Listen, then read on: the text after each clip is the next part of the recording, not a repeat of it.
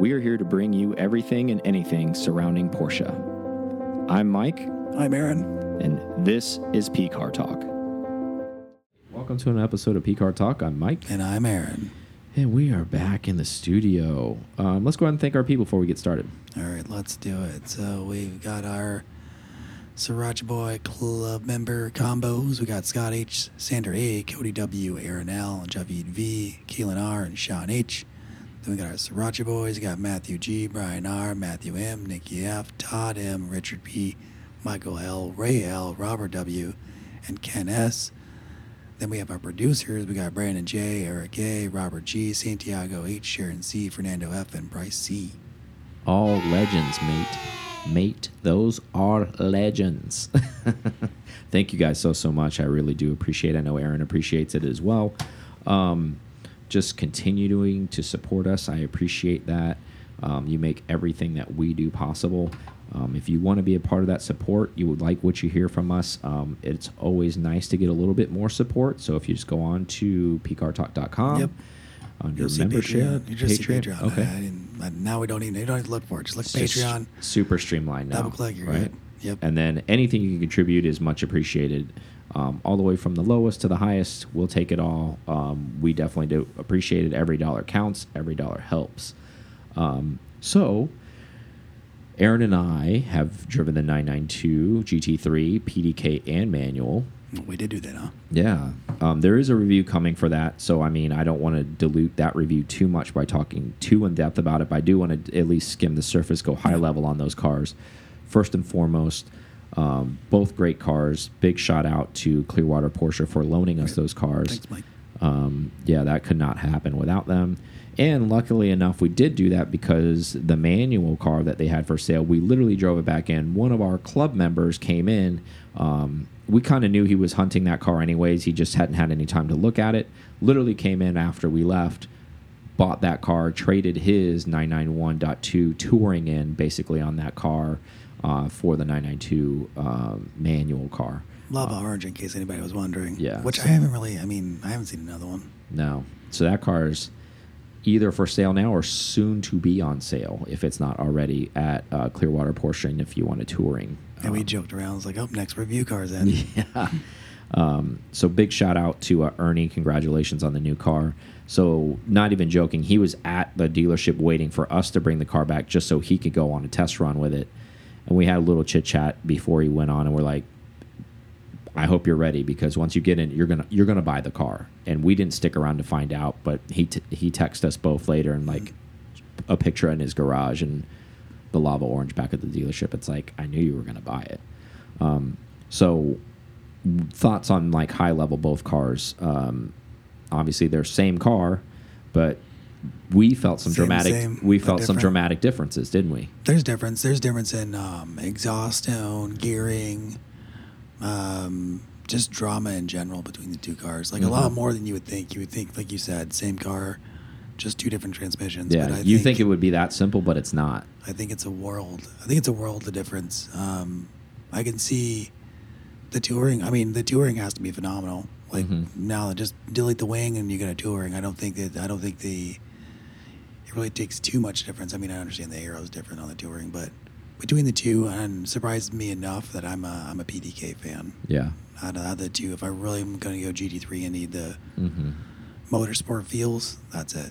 Yeah, I remember that was kind of the big takeaway for between the two of us on that. You really enjoyed that. Um, I could see the purpose of the manual still, and um, I discuss it heavily in the video, so I don't want to touch on it too much. But I think it was breaking down the characteristics of the reality, being honest with yourself on like what you're going to do with the car.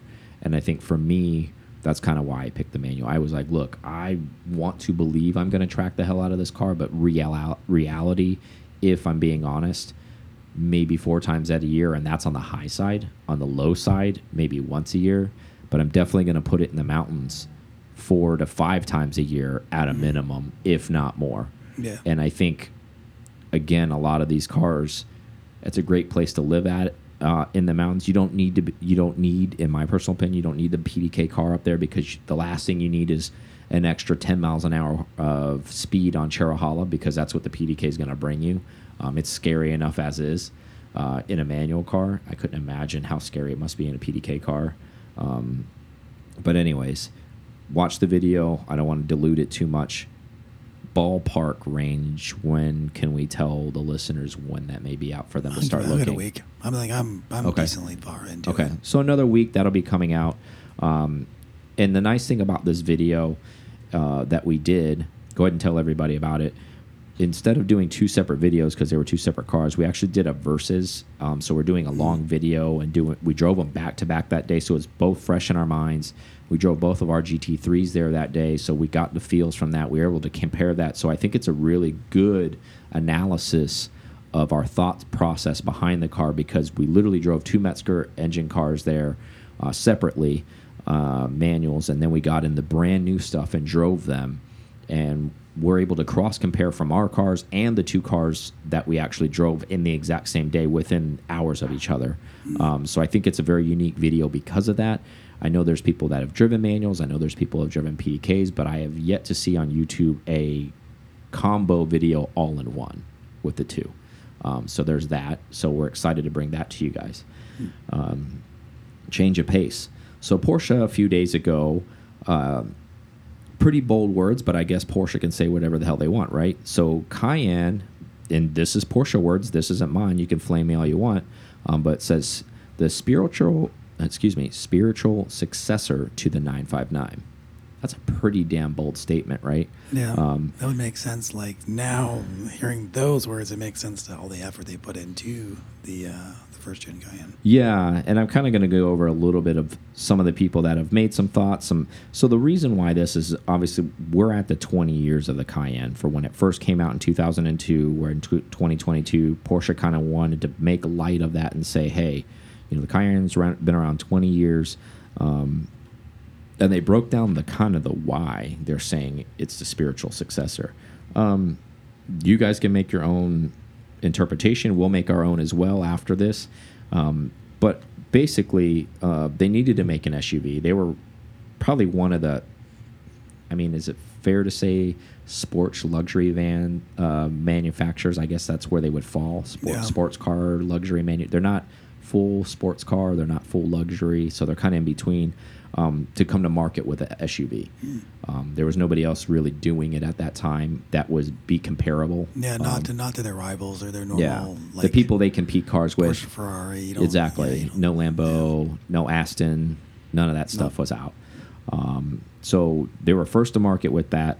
Um, with that being said, because it was a Porsche product, um, obviously quoted and may you may or may not know, they would do, didn't want it, this thing on a failure to launch. Not because of the sales, uh, they knew they would sell it, but they didn't want it to be a failure on the off-road scene as well because it was supposed to be an off-road vehicle, but they wanted it to handle like a Porsche if you really rewind this for a little bit, that's kind of a daunting task. Um, you're you're asking a vehicle to be off-road capable when you only make sports cars, but you also need it to do truck-style daily duty and also handle on a road well, not just in an off-road situation well, and not be, I guess, tractor-like like an old Defender 90, like where you're like, wow, this is agricultural as shit. Yeah. I like that. However, that's not what you're looking for in 2002 when you're spending $65,000 for an SUV. Uh, you do not want to feel like you're riding in a tractor. You want to want the luxury, but you also want the off-road capability. Knowing Porsche knows that 95% of those cars sold, even in 2002, uh, we're never going to see any type of off-road trails. However, they went super beefy suspension, super beefy trail arms, everything on it, just because if it was ever tested, they wanted to be able to stand up to it. Um, fast forward a little bit to Trans Siberia, they went ahead and you know did a cross country, won that event. Um, like ten of them. Like they, st I think they that. But I, I was thinking back to their nine five nine comment. I could think that their uh, the way they get there is just the all wheel drive. Yeah, and I think in the in the horsepower, I think Yeah. so. So to put this in perspective, Porsche's been perfecting the flat six for a long time. Um, this is one of those times where I'm gonna lean on where a lot of people say, "Well, it's the same car. It's this. It's that. It's that." The core of what a lot of 911s are, from the birthright, from even in the 60s, it's a flat six. So that thing got big, bigger, beefier. Yes, the internals are different, but the overall geometry of how that thing is is pretty much still very similar to a brand new GT3. Um, obviously, it's water cooled, all that other stuff, components and all that. But I'm talking about the inner blueprint of what that is is a flat six. Um, so what Porsche went ahead and did it made two brand new from scratch motors V8s that went into these. Uh, one it went into the S Leslie less horsepower, and then the V8 it went into the turbo, and um, and that vehicle had 444 horsepower. Ironically, the same amount of horsepower the 959 had. Um, I'm sure that was a number that an Easter egg that the people in Porsche development Yeah. did on purpose, um, because I'm sure they were developing this even then, thinking this was the predecessor for that vehicle. Um, would they be bragging about it? This thing, if this thing failed to launch, probably not. There's been a lot of success with the Cayenne, as everyone knows. You see a million of them on the road. Um, there's a whole overlanding movement going on, especially sought after first gens and second gens. A lot of people are taking those on and doing really rugged rallies with them. Um, there's businesses that are popping up left and right with that. Um, so there's a big, big movement, and the reason why there's a big movement at the core of this, everyone who ho who owns one of these first or second gens already knows this. Um, the core of what that is, there's a lot of strength there. Um, so you don't need to add a lot to it to actually go do some of this stuff. Now, are you going to go win Moab with this thing out the box? No, Absolutely. no. But um, you're definitely going to be able to do anything we're doing. Yeah. Um, loose tarmac, some like to the bar. yeah, exactly. Some boulder, drinks? some little bit back. minor bouldering, streams, all that kind of stuff. Uh, there's a lot of people that have gone a lot way further with some of it, when they've changed the suspension, where you have full articulation on the whole thing. So the point of this is, is this, this chassis. There was a lot of R and D that went into this, and I think what Porsche is trying to say, obviously with the 959, there was a lot of R and D that went into that car. Lots of money was spent on that car. Lots of money was spent on this car. Um, now, take this for what you will. Walter Röhrl seems to think that the Cayenne is is the spiritual successor.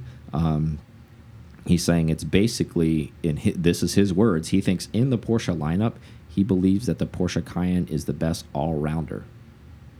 From it can do literally anything. Um, hard to argue with that. Yeah. Um, obviously, we know Por uh, Mr. Röhrl, uh, many rally champion. Audi guy. Yeah, re really great driver, um, Porsche ambassador. So it's a little weighted what he's saying. Obviously, I'll show you his rally car.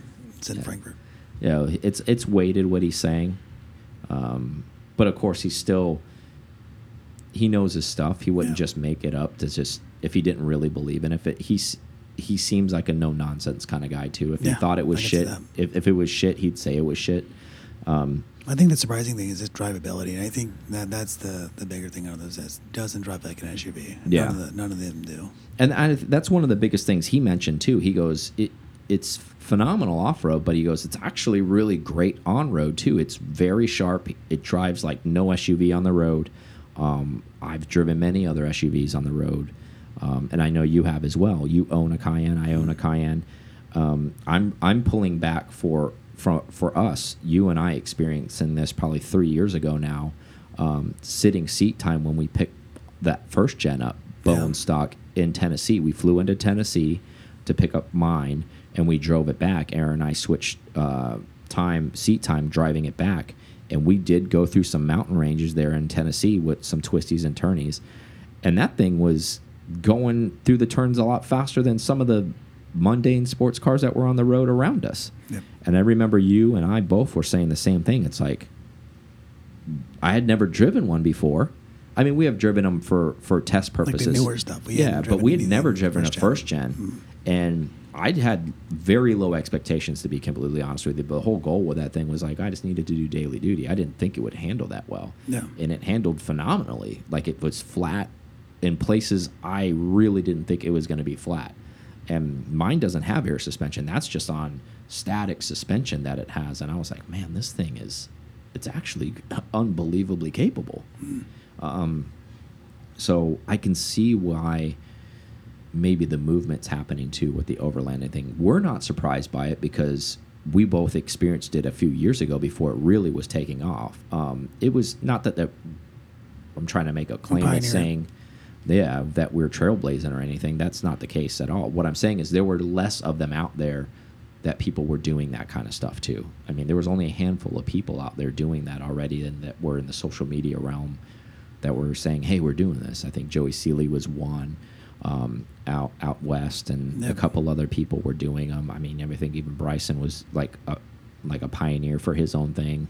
Um, but there wasn't a lot of people doing it. Even Mike from Eurowise, his he had his built, but there wasn't this huge. I don't think he was. I don't think he was trying to really make it a thing yet. I think he was kind of just doing it to be doing it. Yeah, I think he let the market control. Like he got a lot of people calling him to say, "Hey, I want this stuff on my on mine." He's like, "Wow, we need. I guess we need to start making this stuff." Um, so since then, you know, half a dozen places have popped up to make these things even more capable than they are, or at least look more capable than they are. Right? Now, Um, speaking of new places, Mike's Garage. No, yeah, no. Um, but yeah, I, I I think it was a bold statement by Porsche. Um, let's go ahead and close this topic. you need Do- 959 badging for your car. do you do you think it is a 959's successor? I mean, now that I thought about it, the elbow and drive part, then I mean, I guess there's nothing that was really. I mean, you got the 996s. I got. I, I just. I don't know.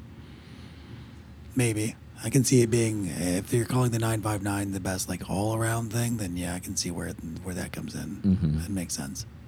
Or or the um, or from a technology standpoint, like it was probably the most technological Yeah, SUV beefiest thing they could make, and maybe that's what he's looking at for the 959.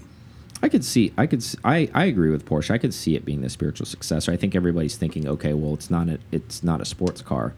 Well, you know, on the uh, the first gens with the ones with the air suspension, it that was another thing. It was pretty new to something. It was a sports SUV. You could do a lot of those different things. Um, the air ride, you can change a lot of that stuff. Well, same thing with the 959. You could do that with that vehicle too. You could put it in an off-road setting. Um, you could raise it up. You could lower it down.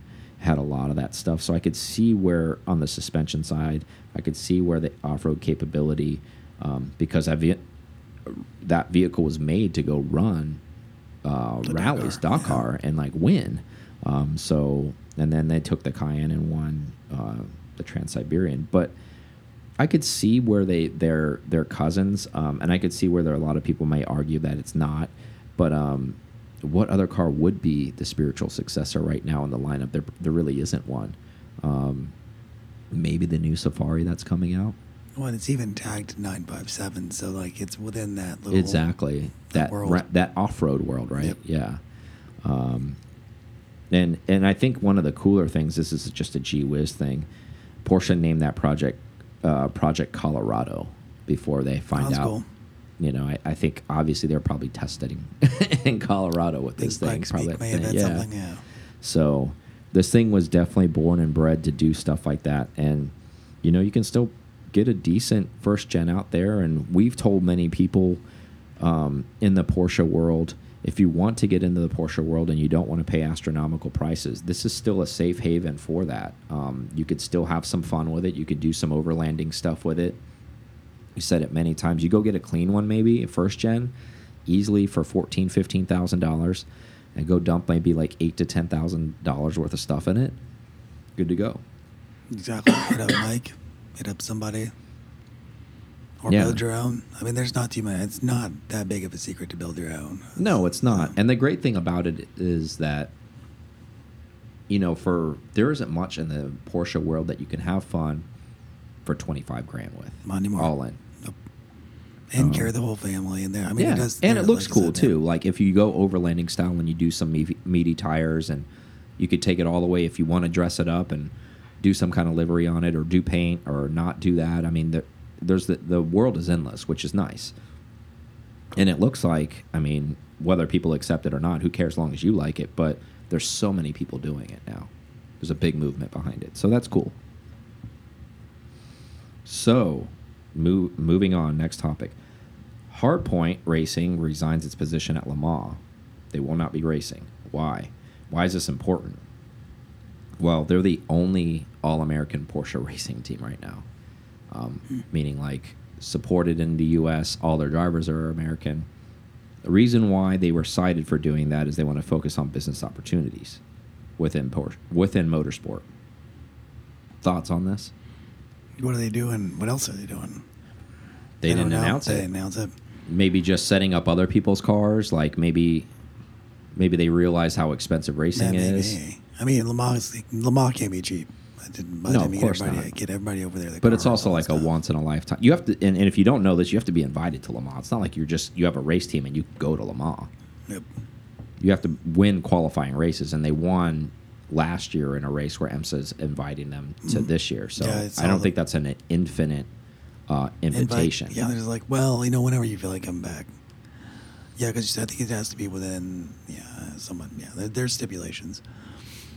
Um, unless it was a really, really good opportunity, I think I would try to do Le Mans every time, every chance, because your ad dollars, I don't know, I think it adds up at the end of the day. It, it probably would do well. I mean, that's one of the most watched races, even for. Yeah.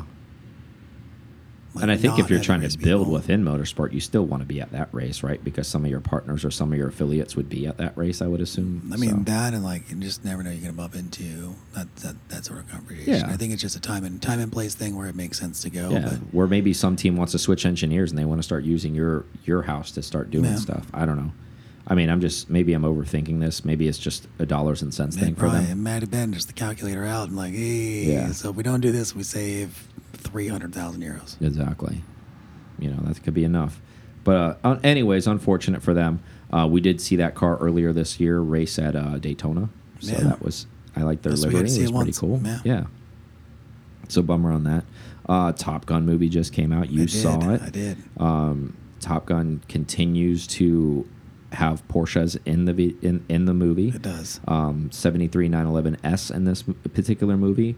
Um, if you recall from the first one, Kelly McGillis was driving a Speedster. And there was Um, also a 911 behind that. yeah, Like it's it's That's- way off on the, the It's- it intersection. I- stopped. I, just Yeah. saw it. and I was like, is that the same? That's why I pointed it out. There's a 73? there's a long there's a long hood. No, it's Yeah. a it's a black car. So there's a long hood in that in the fight scene between Kelly McGillis and Tom uh, and Tom Cruise when she's criticizing his uh, driving. He gets out and he's screaming at her, and she's parked in the middle of the road, and they kind of start tr stop traffic. If you look to the right behind that car in the intersection, there's a long hood there. Um, so, you know, and I know it's California it was the 80s and it's fine, but like that all is that purposely put in there. Yeah. Like that's not by accident. Um, same thing in this movie. Uh, 73 911S in this movie. What what do you think the association is with? Um, I don't know, like flying jets and sports car thing. Yeah. I think it just is. I But think why it's, Porsche? I think Like, it's it could have been mystique. anything, right? Yeah, I think it. I think it's. And I they could have went new, but this is vintage still, right? It was the 73. They could Well, have I went think brand new. I think that was just because Tom Cruise, um, being Because he's movie, vintage. Vintage. um, but uh, I think the Porsche kind of hits like everybody knows it, but it's not pretentious. yeah, kind of can hide, right? But it's not uh, Corvette either. So Yeah. that's not old man spec, but it's not. Uh, I think it's edgy enough to be like cool, right? Mm. But I also think what you playing on what you just said, I also think it's not douchey. Mm. Where if she was cruising around in a in an old Countach or Ferrari, that wouldn't make any sense, right? But it it's it's proper vintage, meaning like okay, well she knows her shit, or who's ever driving it, they are obviously cool, Mm. but they're not so cool that they're trying to be flamboyant about being cool, yeah, right? It's, almost kind of like driving it, but it also seems like it gives that I don't know that the plane vibes, I guess. Yeah. Well, it means like I know I'm cool, but I can hide in plain sight and be cool. Like I, it's almost saying like I'm super confident and about being cool, but at the same time, I don't need people to say, "Oh my god, that vintage car is super cool," even though people would because vintage 911s are cool. It looks cool. um, and it's a badass car. But I think, and we've talked about this uh, previous episodes where um, avionics and vintage Porsches usually go hand in hand, right? Like the dialing feels very similar. Like a lot of the tactileness inside of it feels very aircrafty. The door clunk can give you aircraft feels. Um, the smell of the oil and the gas. Obviously, you don't want to smell that in the cockpit of a fighter plane, but but uh, you get the point, right? Is that, your, Um, is that your air freshener? Just like Exactly. airplane engine, dangling. You got a Porsche air freshener inside of your F14 or F18. It's actually shaped like a Porsche. It just a, smells like oil. My Yeah. other car's a Porsche. on your license plate on the Funny on your airplane. Yeah. Your call sign's Carrera. Oh no. No, but uh, I, I've always thought it was interesting where Porsche finds its way into a lot of these movies, and um, rightfully so, I think, because uh, what a cool movie. I haven't seen it yet. I'm going to go see it tomorrow, actually. Um, so I'm Worth- excited. Worth the watch in yeah. case anybody else needs to know. Yeah, I heard it's got great reviews. Hey, and there's a Porsche in it, right? It's still making. Yeah. Think about this. That car's a 1973, still making cameos in brand new movies. Let that sink in for a second. So pretty badass. Uh, nevertheless, uh, like I said, I heard good things about it. Haven't seen the movie, but going to see it soon. Let's take a quick break and we'll be right back. All right. So Ken Block is selling his 1978 911 Safari um, that he had Tuttle Porsche built. If you don't know Tuttle, they they basically build all the badass East African Safari Yeah, race cars. yeah, they supply them all of them over for Yeah. for that race. Um, so they do all that stuff. They fully built Ken's car to uh, participate in this race. Car is going to be for sale. It's actually currently for sale, ending on June 5th on Collecting Cars. Shocker, it's going to be on that. Um, that's Chris Harris's website. Um, car took 19th. Um, not the greatest, but I mean, that's a grueling, grueling race. We've been told by many people who actually are in the safari stuff that like doing those kind of rallies, it's actually much more treacherous, we've been told, than the Dakar, um, just because it is so much more remote, is what we've heard. Um, their words, not ours. Um, that's One what, day, but not Yeah. but not this day. But that's what they've said. Um, so car has actual race prominence, which is nice. If you go to buy a Safari, it's not going to be something that's just uh, run of the mill. Also, also, Ken Block owned it. Tuttle built it. Um, so there's that. Um, I don't know if you're ever going to race this car, but you definitely have an opportunity to place a bid on it. It's at 54,000 euros right now with four more days to go. Um, thoughts on this? Where you think this car might go due to um, Ken Block ownership, this car participating in East African Safari. The big one for me in this one is Tuttle built the car. Right? I mean, as bad as it sounds, I, I mean Ken Block's awesome, but like, who gives a shit that he Sweet has it? monster livery, bro. Yeah, who gives a shit that he uh, he owned it or did all that? It's cool that it has race prominence. I do like that part, but I like the fact that Tuttle built the car more than anything. That's such a so I and for those to give a little bit more background of the East African Safari, um, not that I know, but Google knows everything. Uh, that it's a 5,000 kilometer race that through uh, Kenya's northern territories. Yeah, and it goes through like 14 countries or something like that. And then uh, Tuttle's, well, they somebody misspelled their name and something, but um, they've won it four times hmm with like world champions. Um, but it looks to me like so this is like new, like Cup Car Star steering wheel, like full new Oh, yeah. electronics. Yeah, yeah.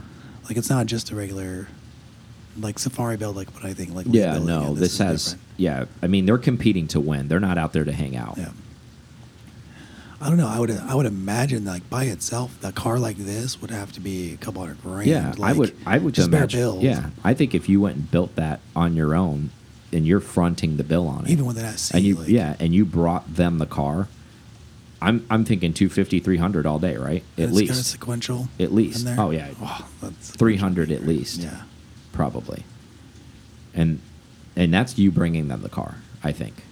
Yeah, Um, I would think it'd be, have to be somewhere around there. I'm sure there is a heavy reserve on this vehicle. Um, it being Tuttle built and then it being on collective collecting cars, excuse me. It seems pretty low right now, um, but who knows? Think it's well, as we all know that things skyrocket towards the end of a, a um, an auction, and then it may go up all the way up to maybe 300. Who knows? Maybe Um, I don't think Ken. I mean, uh, you might follow Ken. That may be something that you like, but I, I, me like you, I don't think that is what does it for me. Yeah, it doesn't. I mean, Otherwise. it's a, it's a gee whiz factor. Um, to be completely honest with you, the fact that it, it competed and finished means a lot more to me. And then, like I said, the whoever fronted the bill and all the receipts, the, the Tuttle portion is what means something to me. Now, obviously, this is not going to be some safari car that you go buy and go play around with and don't really do much with because it costs so much. I mean, I guess there are plenty of people that can afford to do that, but I would imagine you would probably want to do like Carrera Pan America with, with this thing, Yeah. or you know, Peking to Paris maybe with this car. Like, you're basically you're speeding your process up if you want to compete in one of those races by buying this car. It's I think. it's still low. It's still like well, I guess it's less than TJ's, but I think TJ's is more Baja style, so it's a little different. Yeah, I think the terrain's a little different. Mm. Um, the speeds are definitely probably higher in a in a Baja 1000 or something like that because there's opportunity to ride over some decent sized desert and, and carry some serious speed. Um, I really don't believe that East African Safari that you can carry the kind of speeds you can at Baja, um, but I could be misinformed. It it seems so treacherous that it, it, you're just trying to finish basically and, and stay on track. And I, I've heard even the most you know difficult areas and the cars that are the strongest built still have brakes and they break down and they so there's there's that being said. Um, I know that was a bucket list race for him uh, meaning Ken. We were kind of paying attention to that when the vehicle was being built um, and now it's for sale. Um, so I kind of cool way to get some Porsche history, some new Porsche history, not vintage Porsche Yeah. history, but new Porsche history. New vintage. Yeah. Um, I'm sure there's plenty of people that love Ken and what he does, and there's plenty of people that have plenty of money to maybe buy this. Um, I think where this thing may, in my personal opinion, may have some difficulty ending up in somebody's collection or used, um, I think is the probably his price tag on one and, and how much this probably cost him and what he's willing to let this go at is what oh, it's yeah, going to be. I guess that's the other side of it. Is like he probably has some sentimental value, obviously, Mhm. and then he knows, like you said, he knows what it cost. So there's that. Uh, it may be a lot higher. Yeah, and somebody fronted that bill, whether it be Monster, whether it be Hoonigan, somebody fronted that bill because Tuthill got paid because they built it. So there's that, and maybe Ken paid some of it. So trying to recoup some of that money, um, and this comes on the uh, coattails of the Pikes Peak car. Obviously, that's built, that's ready to go, that's happening uh, at the end of June. Um, so are you shocked that he's not hanging on to this car because he is a rally guy? He's competed in a lot of rallies. Yeah. Maybe maybe because he didn't win, it's less sentimental. You think if he would have won first, he would have took he would have kept the car. Yeah, it's always like, I get first, I'm keeping it. I don't. know? And I don't So, think it's the car's yeah. fault. I just think maybe he just he doesn't look at the car like was so much oh my god we won you know and it's it means so much to him. Maybe it was more of i want to participate in that race and i want to do it in a 911 and i want to do it like this but maybe he already, even if he won maybe he already had his mind made up that he was going to kick the car down the road. Yeah i mean not been for him. Maybe he didn't like it. Um, uh, so i looked at another todd uh, built car. Uh -huh. not to the level of ken's and it's 240000 for, for an auction so, estimate. So then you then you've got your idea of what this thing should yeah. go. This thing's I'm maybe now we're shooting real low. Maybe this should be 500. Maybe, and this was a March of last year. Yeah, so. maybe it's a five hundred thousand dollar car. I mean, we'll I, see. I, I would imagine if because this is just a regular old. I mean, it's an SC comparable, but mm -hmm. I don't. Mm-hmm. It is. It's not a computer, but new new computer, new steering wheel, yeah, like, yeah. full out car. Okay, well, we'll keep our eye on it. The auction ends on Sunday. Um, I'm just kind of curious to see what it would bring.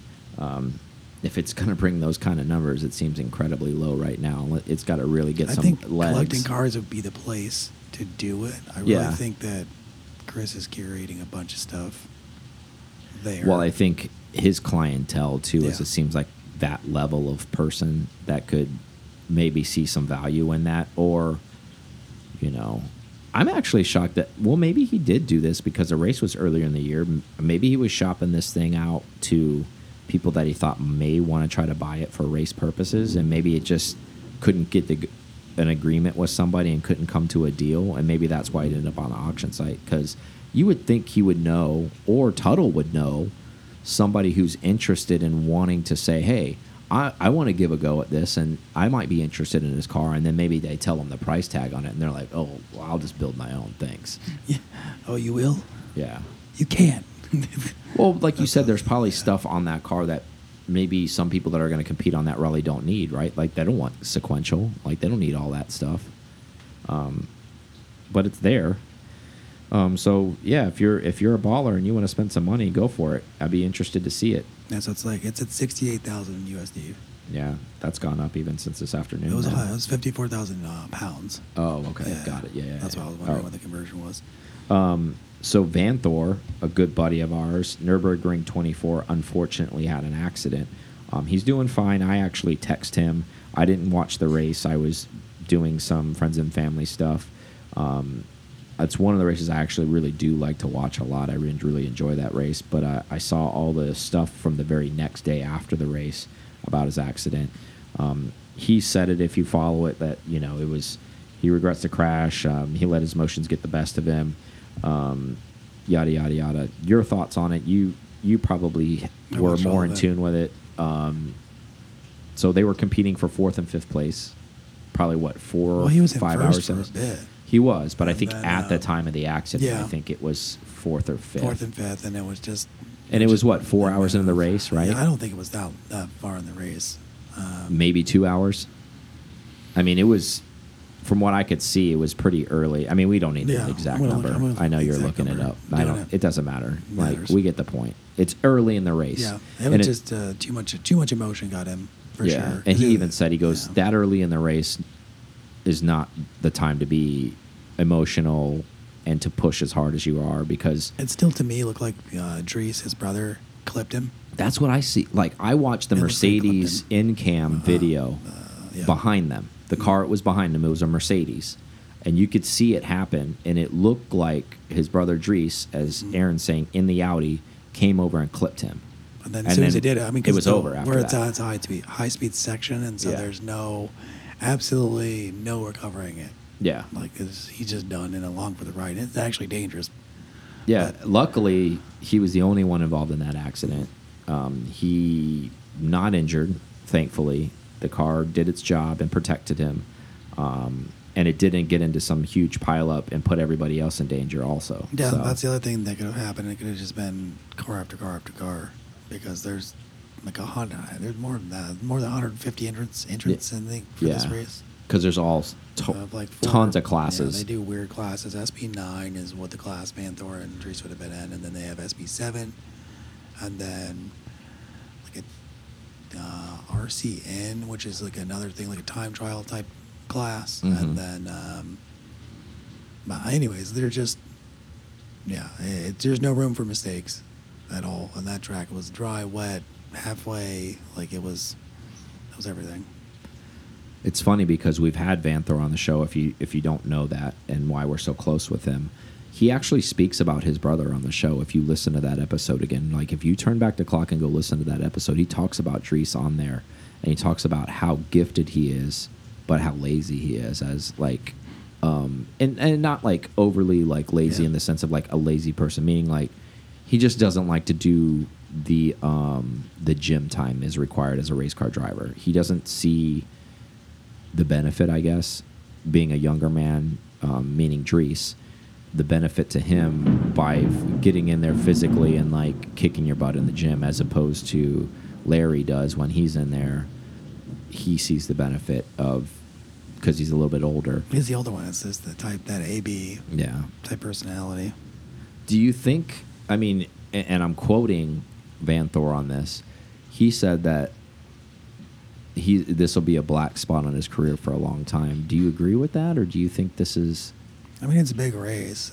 I meant yeah, as far as like his decision making in the sense of going going so hard so early, being a seasoned veteran, being a Le Mans winner, letting I mean, letting yeah. the the situation get the best of him, um, not not being disciplined, right? Like, so are other race teams or when he gets invited to go stuff, is that going to weigh on them? I feel like Kevin's just Estre's just as aggressive. Well, yeah, but I mean, Kevin hasn't got an accident, so like until Kevin gets in one, he True. won't have to answer to that. It's true. I can see where that now. I mean, because it's it's everywhere. Um, so that's something you can't really hide it. Yeah. Um, and, I think uh, I think uh, personally, I think he's I think he maybe just because they're brothers. Yeah. If they weren't brothers, maybe he wouldn't jump on the sword so quickly.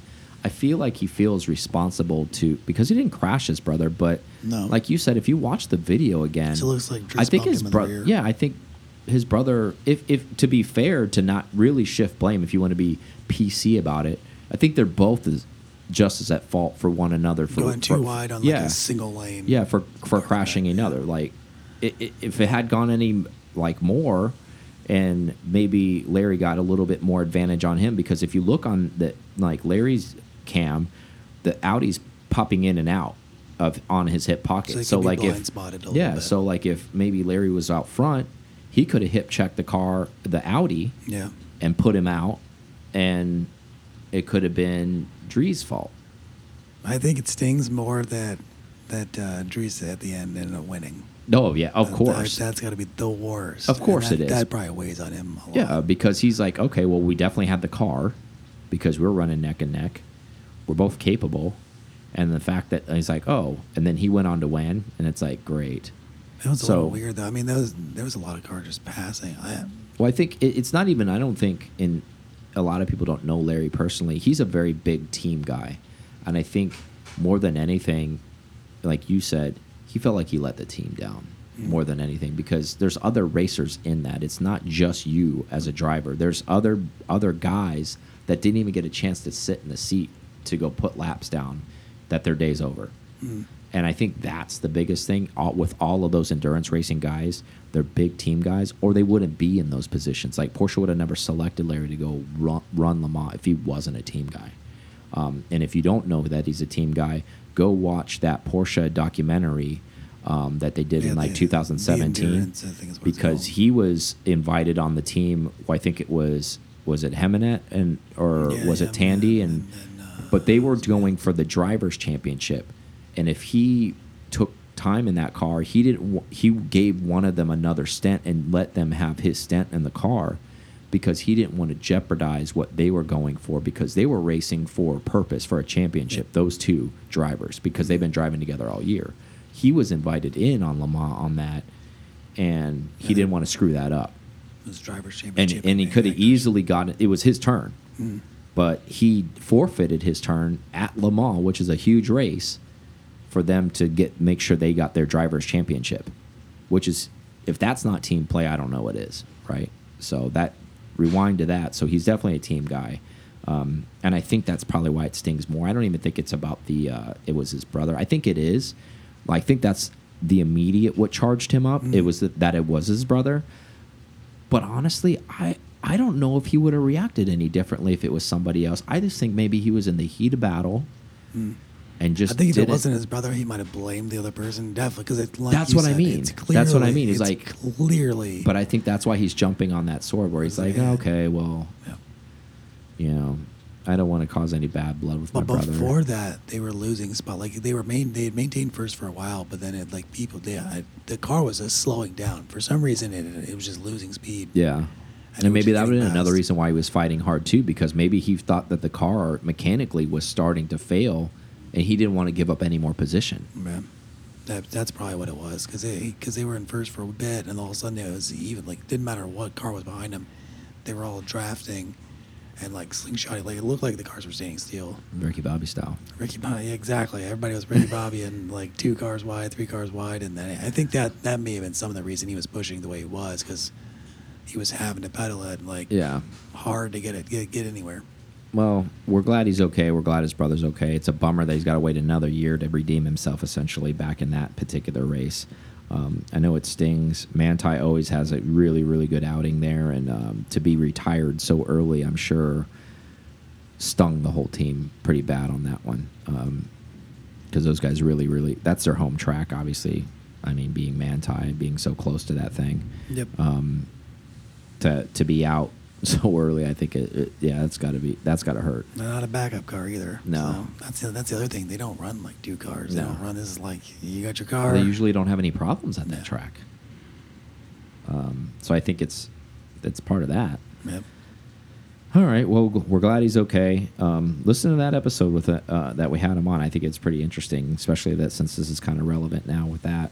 Um, so let's go ahead and close.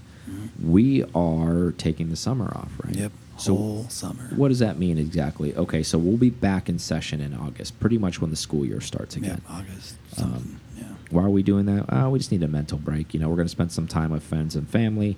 I think it's good for everybody else to do the same, um, especially uh, the climate of the country at, that we're at, um, the things that are happening. Uh, spend some time with your kids if you have them. Spend some time with your loved ones if you have them, or your friends, right? And go drive, go do some fun stuff. Um, we'll still be doing the giveaways. Yep, Um, so so them. June and July will still have its giveaways. We'll still do that. Um, that's not going anywhere. If your membership joins, don't worry. The, it, during that time frame, you're still going to get all of the things you're supposed to be getting. Um, all of that stuff's on autopilot that Aaron has set up. Yep. So if you're a Sriracha boy and you should be getting an item during that time, you will get it. Um, if you join up as a P Car Club member, you will get your stuff that you're supposed to be getting. It'll get sent out to you. Um, we encourage you to still join um, and get on there and take care of us, and we'll take care of you. But um, other than that, I think we're looking forward to the summer. I hope you guys are as well.